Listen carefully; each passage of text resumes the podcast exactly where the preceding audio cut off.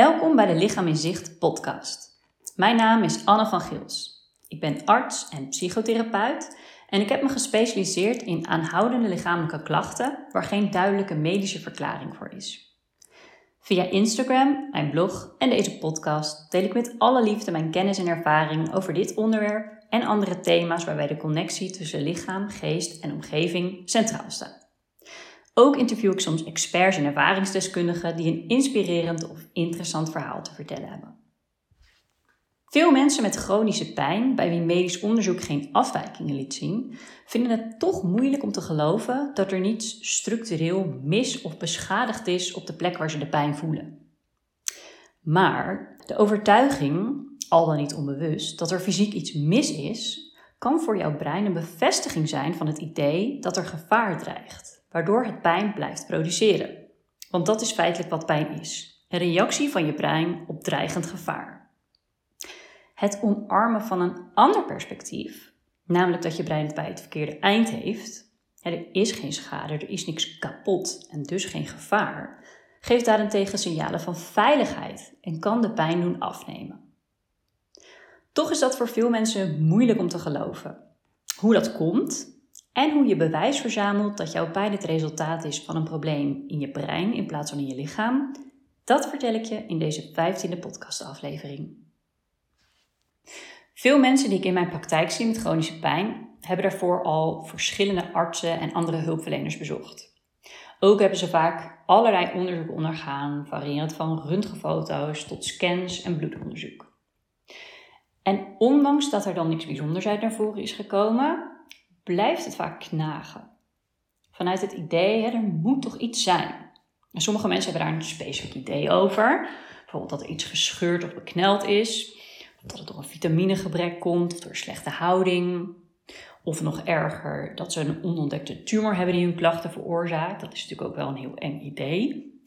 In ieder geval maakt dat dat sommige mensen heel erg geneigd zijn om te blijven zoeken naar een lichamelijke oorzaak. Afgelopen zomer las ik uh, tijdens mijn vakantie het boek The Way Out van Alan Gordon. En in dit boek beschrijft hij een aantal mogelijke verklaringen voor het feit dat we het zo moeilijk vinden om te geloven dat er niks mis is met ons lichaam wanneer we last hebben van pijn. Trouwens, wel even belangrijk om te benoemen: als ik in deze podcast de woorden gebruik of er iets mis is met het lichaam, dan bedoel ik daar trouwens mee hè, of er iets structureel kapot, aangedaan of beschadigd is in het lichaam. Zoals door een wond, een bottenbreuk of door een ziekteproces zoals een ontsteking of een tumor. En als ik zeg dat er niks mis is met het lichaam, dan bedoel ik daar absoluut niet mee te zeggen dat er niets aan de hand is. En wil ik ook zeer zeker niet afdoen aan de ernst van jouw klachten. Laat ik daar heel duidelijk over zijn. ongeacht de oorzaak of het onderliggende mechanisme, de pijn is hoe dan ook echt en moet absoluut serieus genomen worden. Wat ik bedoel te zeggen is dat rugpijn niet altijd wordt veroorzaakt door een probleem in de rug. En dat kniepijn niet per se betekent dat er iets kapot of beschadigd is in je knie. Oké, terug naar die mogelijke verklaringen. Ten eerste, vanuit een evolutionair perspectief kun je zeggen dat we van nature geneigd zijn om pijn te associëren met een lichamelijk probleem. En het is natuurlijk ook ergens heel logisch, want pijn is bedoeld om je te laten weten, om je te laten merken dat je lichaam beschadigd is of beschadigd dreigt te raken. Dus het is een soort oerinstinct. Zo zijn we geprogrammeerd. En bij acute pijn is dat ook heel nuttig. Het zorgt ervoor dat je je lichaam de kans geeft om te herstellen. Bij chronische pijn is dat een ander verhaal. Daar kan het er juist voor zorgen dat de pijn blijft aanhouden. En een metafoor die ik vaak wel gebruik om um, uit te leggen hoe chronische pijn werkt, is die van het inbraakalarm. Een alarm dient om te waarschuwen wanneer er een inbreker is. Pijn waarschuwt je dat er schade aan je lichaam is of dreigt. En wanneer het inbraakalarm telkens bij het minst of geringste afgaat, zonder dat er een inbreker is, dan is er kennelijk iets mis met het alarmsysteem zelf. Het heeft dan ook niet zoveel zin om te blijven zoeken naar een inbreker. En zo is het ook met chronische pijn. Als je telkens pijn voelt, maar er wordt op medisch vlak niks gevonden, dan is er zeer waarschijnlijk iets mis met het pijnsysteem in de hersenen. En dan helpt het dus ook niet om maar te blijven zoeken naar een lichamelijke oorzaak. De tweede verklaring is dat veel mensen ervaren dat bepaalde houdingen of bewegingen hun pijn doen verergeren. Dat kan dus bijvoorbeeld zijn lopen, zitten, bukken, uh, je armen omhoog bewegen, je nek opzij draaien. Een beetje afhankelijk natuurlijk van waar je de pijn hebt.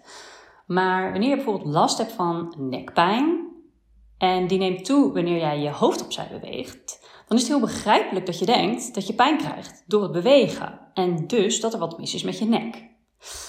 Maar ons brein is in staat om pijn aan te leren. En dat klinkt misschien een beetje gek. Ik zal je uitleggen hoe dat zit aan de hand van een, een voorbeeld. Ehm, ik heb ooit een keer, een beetje een goor verhaal dit eigenlijk. Ik heb ooit een keer een uh, grote slok dubbeldrank, dat is een soort van um, ja, vruchtensap, uit het pak gedronken. En pas nadat ik het had doorgeslikt, proefde en rook ik dat het bedorven was. Heel goor. En sindsdien hoef ik alleen maar de specifieke geur van die persik dubbeldrank te ruiken of ik word al misselijk. Dus in mijn brein heeft die geur als het ware een rode vlag gekregen. En die misselijkheid is een waarschuwing om dat niet nog eens te laten gebeuren. En zo gaat dat met pijn vaak ook. Wanneer je in een bepaalde situatie of bij het maken van een bepaalde beweging pijn hebt ervaren, kan er in je brein een associatie ontstaan tussen die situatie en pijn. Je nek opzij bewegen kan een trigger worden voor nekpijn. Niet omdat er iets bekneld raakt in je nek of zo, maar omdat er in je brein een aangeleerde reactie is ontstaan op die beweging. En of dat nou terecht is of niet, je brein neemt liever het zekere voor het onzekere. De derde verklaring heeft te maken met het nog altijd heersende biomedische perspectief in onze westerse samenleving. En dit gaat ervan uit dat lichamelijke klachten worden veroorzaakt door een lichamelijke ziekte. En daarmee bedoel ik hè, een objectiveerbare afwijking aan organen of andere weefsels. Heel simpel gezegd, keelontsteking zorgt voor keelpijn, uh, een uitpuilende tussenwervelschijf zorgt voor rugpijn, etc. En bij heel veel acute klachten en aandoeningen is dat een heel behulpzaam uitgangspunt. Maar bij aanhoudende klachten is het vaak niet zo simpel. Daar spelen vaak veel meer factoren mee. En zelfs als er wel objectiveerbare afwijkingen zijn, is het verband tussen die afwijkingen en de klachten vaak ver te zoeken. Uit wetenschappelijk onderzoek is gebleken dat, zeker naarmate mensen ouder worden, bepaalde afwijkingen tussen aanhalingstekens heel veel voorkomend zijn en lang niet altijd gepaard hoeven gaan met klachten. In de leeftijdscategorieën van 60, 70, 80 plus zie je dat dingen als slijtage, artrose en hernia's en scheefstand eerder de regel dan de uitzondering zijn. Terwijl de meeste, de meeste van die mensen daar geen last van hebben. En wat verder goed is om te benoemen, is dat hoe meer onderzoeken je ondergaat, hoe groter de kans op een afwijkende bevinding. Maar dat kan ook een zogenaamde toevalsbevinding zijn. Het hoeft dus niet de oorzaak van je klachten te zijn. Maar goed, door te horen te krijgen dat er bepaalde afwijkingen zijn of door een bepaalde diagnose te krijgen, kan wel weer dat idee bevestigd en versterkt worden dat er wat mis is met je lichaam. Oké, dus deze verklaringen maken het begrijpelijk dat we pijn associëren met een fysieke oorzaak. Maar hoe overwin je nou die obstakels? Want het is begrijpelijk en helemaal oké dat je er niet nu ineens 100% van overtuigd bent dat je pijn wordt veroorzaakt door je brein. Maar als je open kunt staan voor dat idee, kun je op zoek gaan naar bewijs dat dit het geval is, waardoor de geloofwaardigheid groeit en daarmee de angst rondom je pijn kan afnemen. Ik heb een lijst gemaakt met aanwijzingen. Die kun je downloaden via mijn website. Ik zal de link even ehm, in de notities van deze podcastaflevering zetten. En ik wil er hier een aantal uitlichten. Voordat ik begin, vind ik het ook belangrijk om te noemen dat het niet altijd zwart-wit is. Dus ook wanneer pijn voortkomt uit een lichamelijke ziekte, kunnen sensitisatie, dus het overgevoelig worden van je zenuwstelsel, en aangeleerde reacties een rol spelen. Verder is dit lijstje natuurlijk niet bedoeld ter vervanging van een goede medische evaluatie. Mogen dat duidelijk zijn. Nou, de eerste aanwijzing is misschien een beetje een flauwe, maar wanneer daarna gedegen medisch onderzoek geen medische aandoening is gevonden die de pijn kan verklaren, maakt dat de kans groot dat de pijn voortkomt uit een probleem van het pijnsysteem zelf. En als ik dit onderwerp ter sprake breng, dan krijg ik daar soms reacties op in de trant van: ja, maar ik ken iemand die had 15 jaar lang onverklaarde klachten en die bleek uiteindelijk toch een hele zeldzame stofwisselingsziekte te hebben. Ja, dat kan. Er worden door huisartsen en medisch specialisten soms dingen gemist. Er wordt ook niet altijd even uitgebreid onderzoek gedaan. En het komt voor dat later blijkt dat er toch een onderliggende ziekte aanwezig is. Soms is dat trouwens ook niet zozeer een fout, een medische fout, maar kan het ook voortschrijdend inzicht zijn. En wanneer klachten bijvoorbeeld veranderen of er andere klachten bijkomen. Maar het punt is, dat is niet de regel, dat zijn uitzonderingen.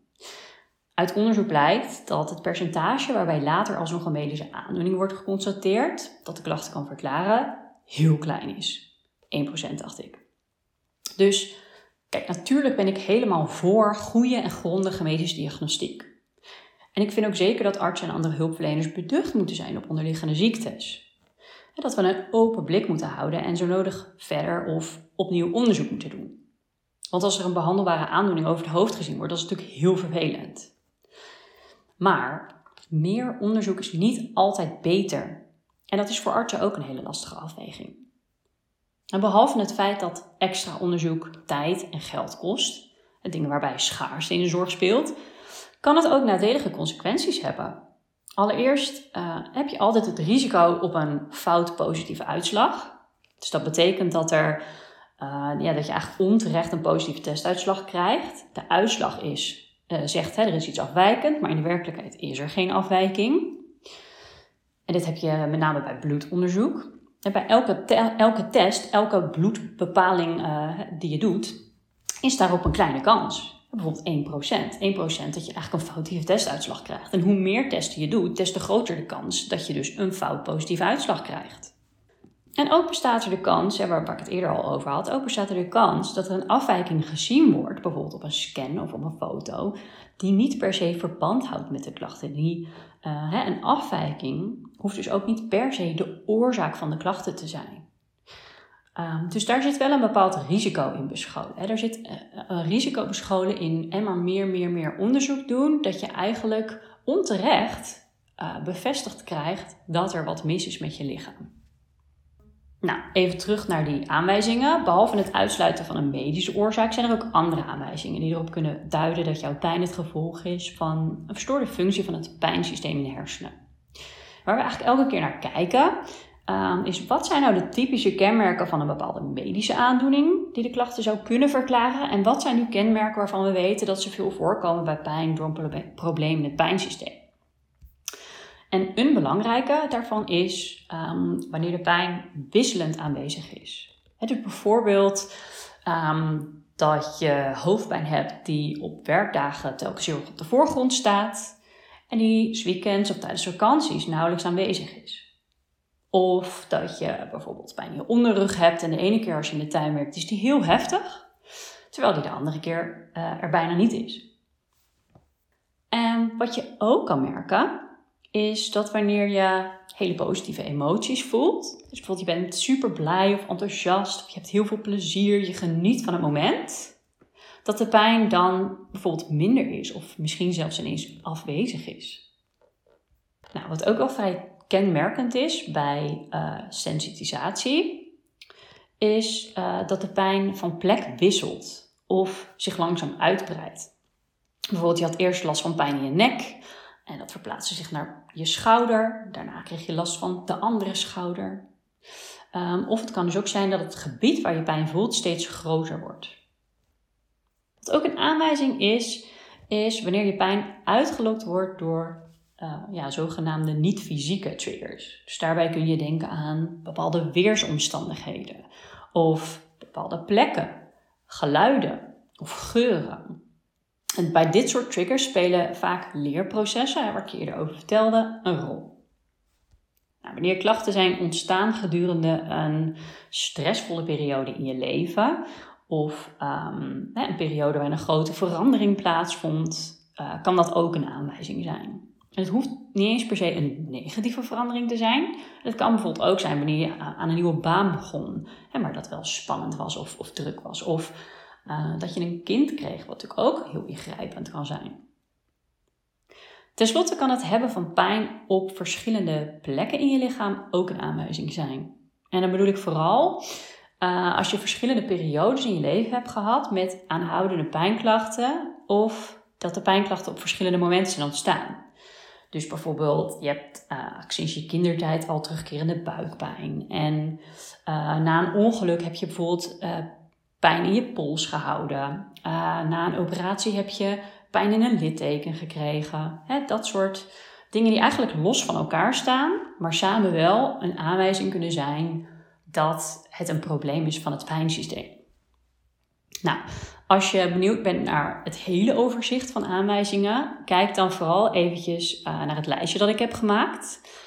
Um, bij sommige, misschien nog wel even goed om te zeggen, bij sommige van die aanwijzingen is het uh, zo dat één enkele aanwijzing op zich niet zo onderscheidend is. Maar dat het de combinatie, dus de optelsom is, die maakt dat pijn door een verstoring in het pijnsysteem waarschijnlijk is. Nou, dan ben ik wel zo'n beetje aan het eind gekomen van mijn verhaal. Ik ben uh, heel benieuwd wat je ervan vond. Of je er iets aan hebt gehad. Vind ik altijd heel leuk om te horen. Uh, als je dat uh, wilt, kun je me dat laten weten via een berichtje op Instagram. Um, en wat ik daarnaast heel erg op prijs zou stellen, als je mijn podcast waardevol vindt, is als je hem 5 sterren of een review zou willen geven in jouw podcast app. Dus bijvoorbeeld in de, in de Spotify app of in de iTunes of hoe heet dat, Apple Podcast app. Um, daar zou je me heel blij mee maken. Nou, tot een volgende keer.